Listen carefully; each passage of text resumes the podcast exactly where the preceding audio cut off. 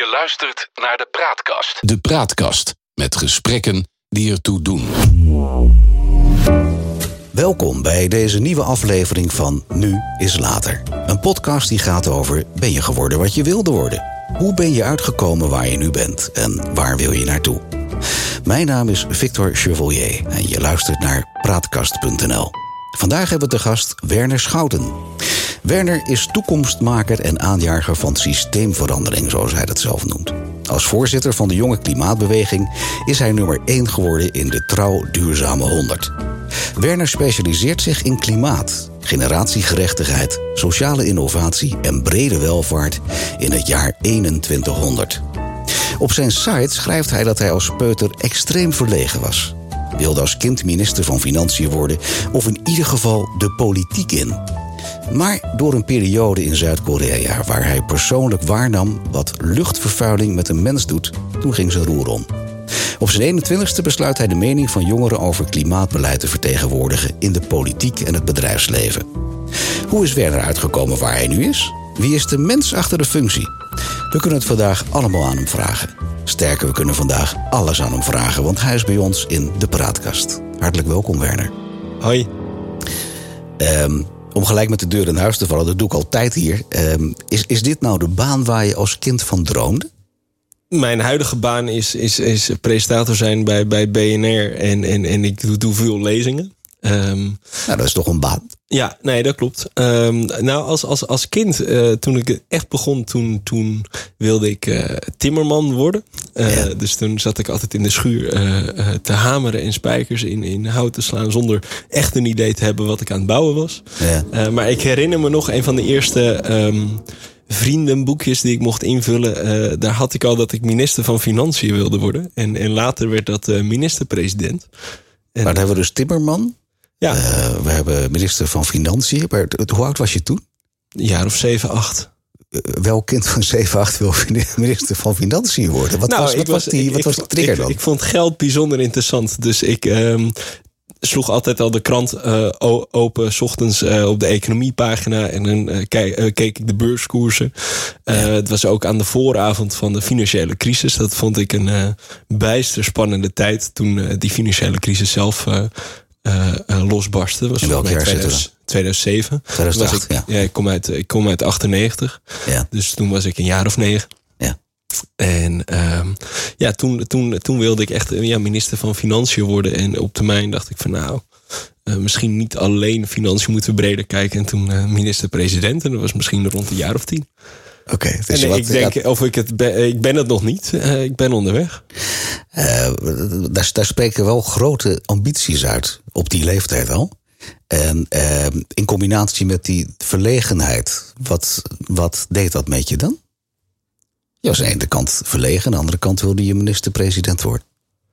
Ja, ik denk dat daar wel een soort van uh, ja, um, ja, twee, twee zijden in zaten. Um, ik begon, ik langzamerhand soort van ontwikkelde die uh, verlegenheid juist in, denk ik, jezelf um, een beter beeld, een betere eigen identiteit ontwikkelen. Wat er ma maakt dat je ook dapperder naar de buitenwereld toe kunt treden. En dat, ja. dat komt dus dan ook met grote ambities. Dus ik, ik begon de peuterspeelzaal gaan we echt heel lang terug.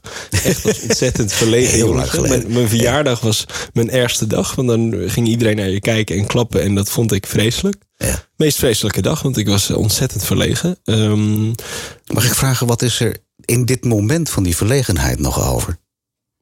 Ik denk vanuit die verlegenheid zelf niet veel. Nou, wat er, wat er van over is gebleven, is dat je altijd uh, bij je uh, zelf je de, de, vraag stelt van. Um, nou, altijd.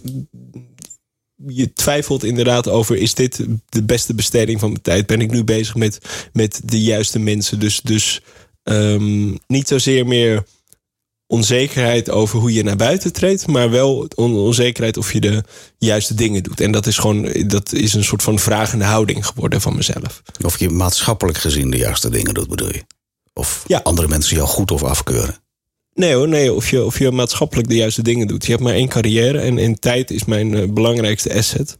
En dan is natuurlijk de vraag... ehm, Ja, maar nu, nu breng je de brug weer naar het hier en nu. Het gaat mij er even om dat ik het, dat ik het heel spannend eigenlijk vind. Dat jij als kind zijnde enorm verlegen bent. En nu 180 graden aan de andere kant van het spectrum zit. Want je zit vaak bij BNR achter de microfoon. Ja. Je geeft lezingen. Dat is iets essentieel anders als in een hoekje duiken... omdat je jarig was toen je zeven werd, zeg maar. Ja, nou, ik, ik denk dat het wel twee, twee zijden van dezelfde munt kunnen zijn. Omdat je, denk ik, die, die verlegenheid start bij, denk ik, een bepaalde onzekerheid over hoe je naar buiten treedt naar anderen toe. Ja. Ehm, en ik denk dat ik, ehm, naarmate ik mijn, mijn karakter heb ontwikkeld, steeds meer eh, eh, basis heb opgebouwd, een eigen identiteit heb opgebouwd, waar je zekerheden uitbouwt, maar eh, desalniettemin niet wegduikt voor ehm, om jezelf vragen te stellen of je nog steeds ehm, ehm, de juiste dingen zegt, de juiste dingen doet. Ehm, dus, dus je blijft, je, het, het levert even goed. Die verlegenheid levert mij nu een hele vraag en houding over mezelf op. Wat soms met heel veel twijfel gepaard gaat. Maar wat me denk ik wel een soort van ja, een, growth mindset eh, oplevert. Maar mag- ik dan gewoon in algemeen beschaafd Nederland zeggen... dat jij telkens weer over je angst heen moet? Of is dat helemaal niet meer aan de orde? Nou, die, die verlegenheid is nu geen, geen angst meer. Ehm, het, is, het is denk ik meer een. een ehm, nee, ik zou het niet als, als angst aanschouwen. Het is meer een beetje een, een, ehm, een vraag hoe uiteindelijk ideeën worden, worden gewaardeerd. En ik denk dat dat. ehm, Maar dat is toch heel arbitrair? Want wat de, de een zou jouw mening eh, toejuichen en de ander vind je helemaal niks. Klopt. Dus dat, dat, dat is altijd zo. En toch is die angst bij jou blijkbaar weg. die, ja, die angst is inderdaad inmiddels wel weg. Omdat je een bepaalde ehm, eigen identiteit hebt ontwikkeld. Omdat je weet wat, wat waardevol is voor jou. Ehm, en dat geeft een bepaalde zekerheid om naar buiten te treden. Ja.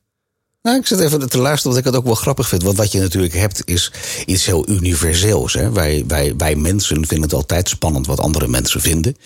En of wij wel goedgekeurd worden en of ons mening er wel toe doet. En, en, en of ik wel de juiste, de juiste groep aanhang. Nou, zo kan je allerlei variaties opnoemen.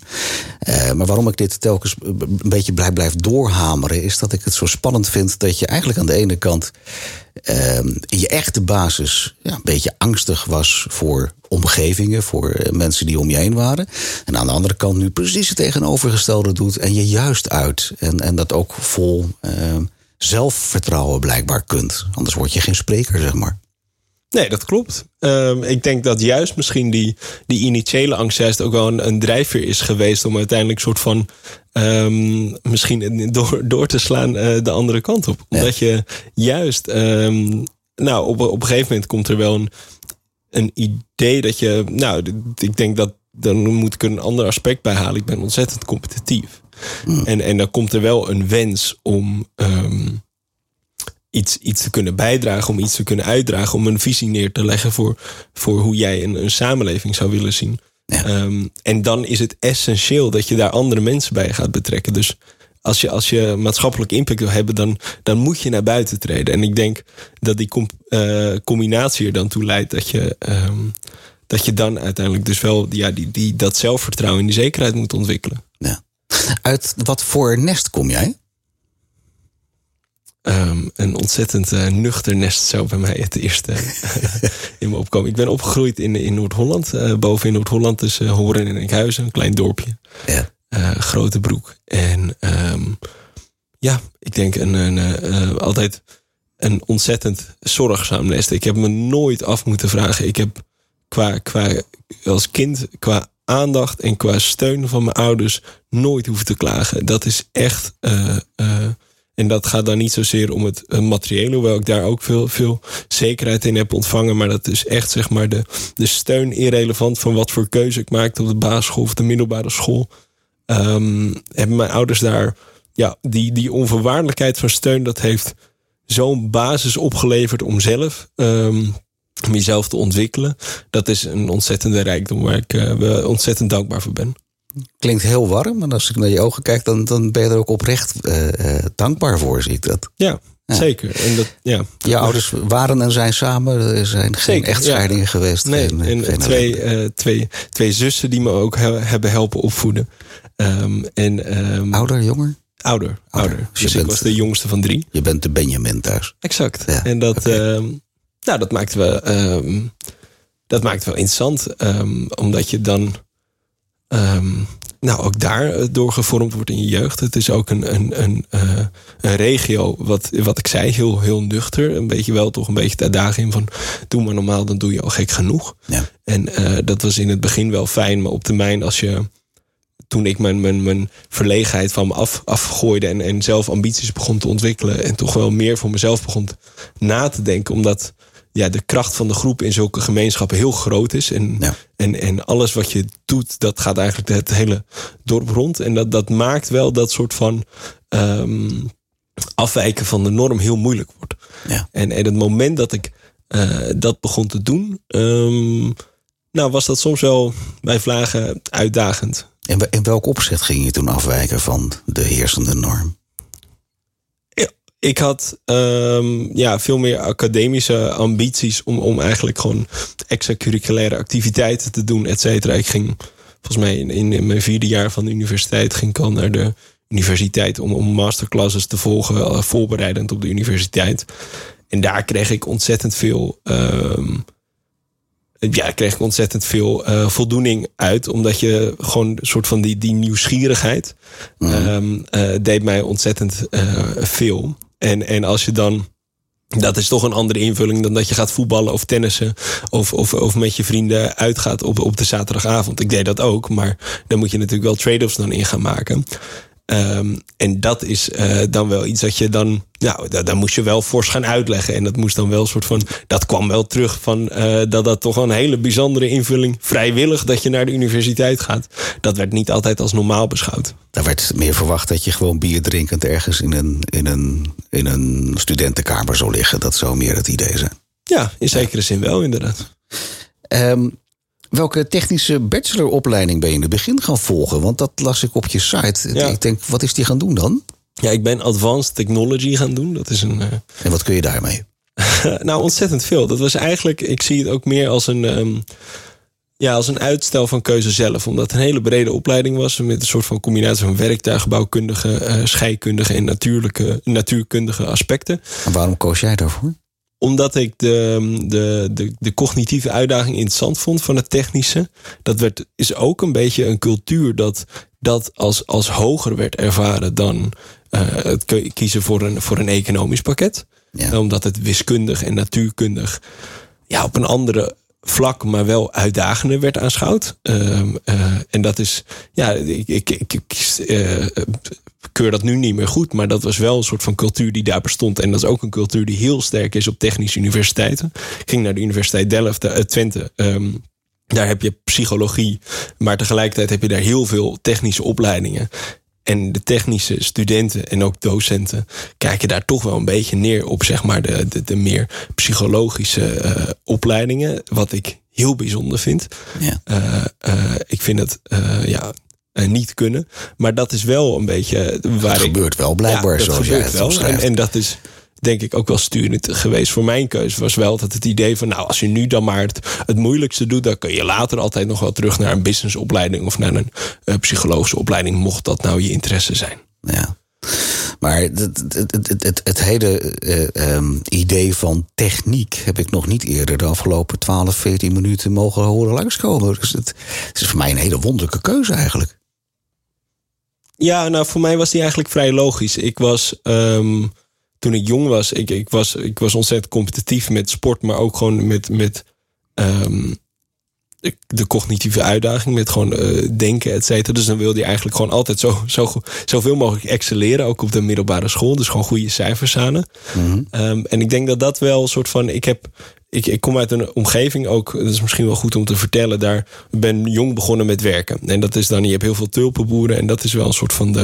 Dat je in de kassen ging werken of zo. Was het op het Nou, land? niet op het land. In, de meivakantie moest je dan eh, wekenlang voorovergebogen staan om, om de tulpen, de bovenkant van de tulp eraf te halen. Dat heet dan tulpenkoppen. En in, het, in de zomermaanden ging je dan werken om, om de bollen schoon te maken, de worteltjes ervan afduwen en zo. Dat is heel eh, monotoon werk. Eh, het is niet fijn. Het is ook eh, pijnlijk voor je rug. Zeker in de meivakantie.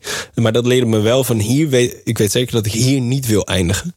Uh, en dat maakte dat ik toch wel heel veel belang hecht aan, aan succesvol zijn op, uh, op academisch vlak. Um, en tezamen met mijn competitieve houding en niet echt direct wetend welke richting ik wel op wil, ga je gewoon eigenlijk, ja, wat je wordt voorgeschoten qua uitdaging, daar wil je dan in gaan excelleren. En dat was voor mij dan, nou, uh, het technisch pakket op de middelbare school en vervolgens een technische opleiding.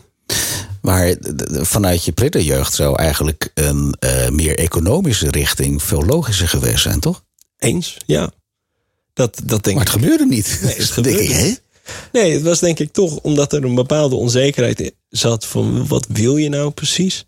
Die vraag die uh, werd mij weinig gesteld. En, en dat vind ik eigenlijk doodzonde. Dat je op de basisschool en op de middelbare school weinig wordt gevraagd van maar je wordt heel veel cognitieve skills aangeleerd, bij Nederlands tot levensbeschouwing, uh, tot, tot natuurkunde, maar weinig wordt gevraagd van joh, hoe maak je nou keuzes wie je zelf bent en, en, en, en, waar je voorkeuren liggen? Je, je wordt soort van opgeleid tot een FTE, maar niet opgeleid tot, tot mens zijn. En, en dat heb ik altijd jammer gevonden. En ik denk dat ik daar zelf ook wel de, de gevolgen van heb ervaren. Dat ik dus mm. juist uh, ben afgegaan op waar ik goed, goede cijfers in haalde. Wat dus technische vakken. Um, en derhalve maar gewoon um, ja, een technische studie in ben gerommeld, gestruikeld. Maar zou dat, dan, dan, dan stel je eigenlijk dat je tot de conclusie komt van... joh, als ik in die periode een andere, een betere begeleiding gehad zou hebben... zou hier een andere Werner tegenover mij zitten.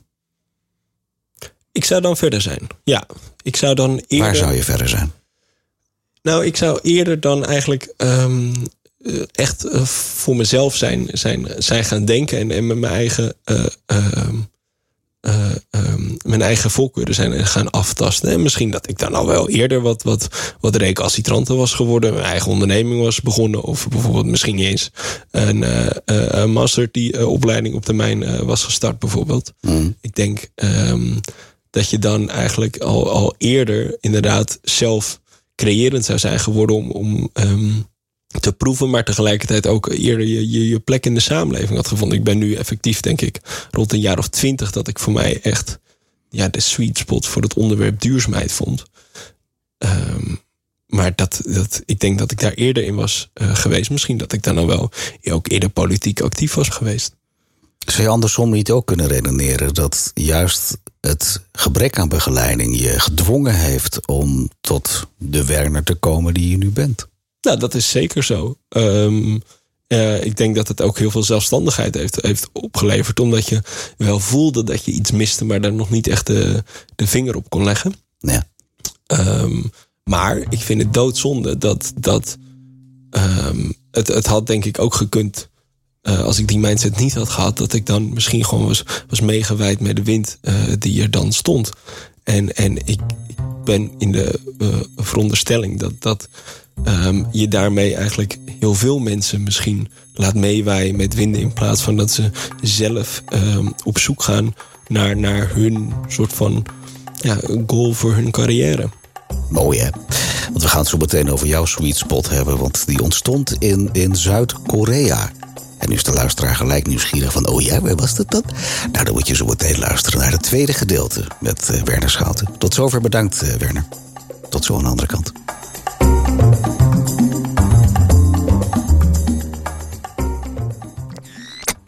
Luistert naar de Praatkast. De Praatkast met gesprekken die ertoe doen.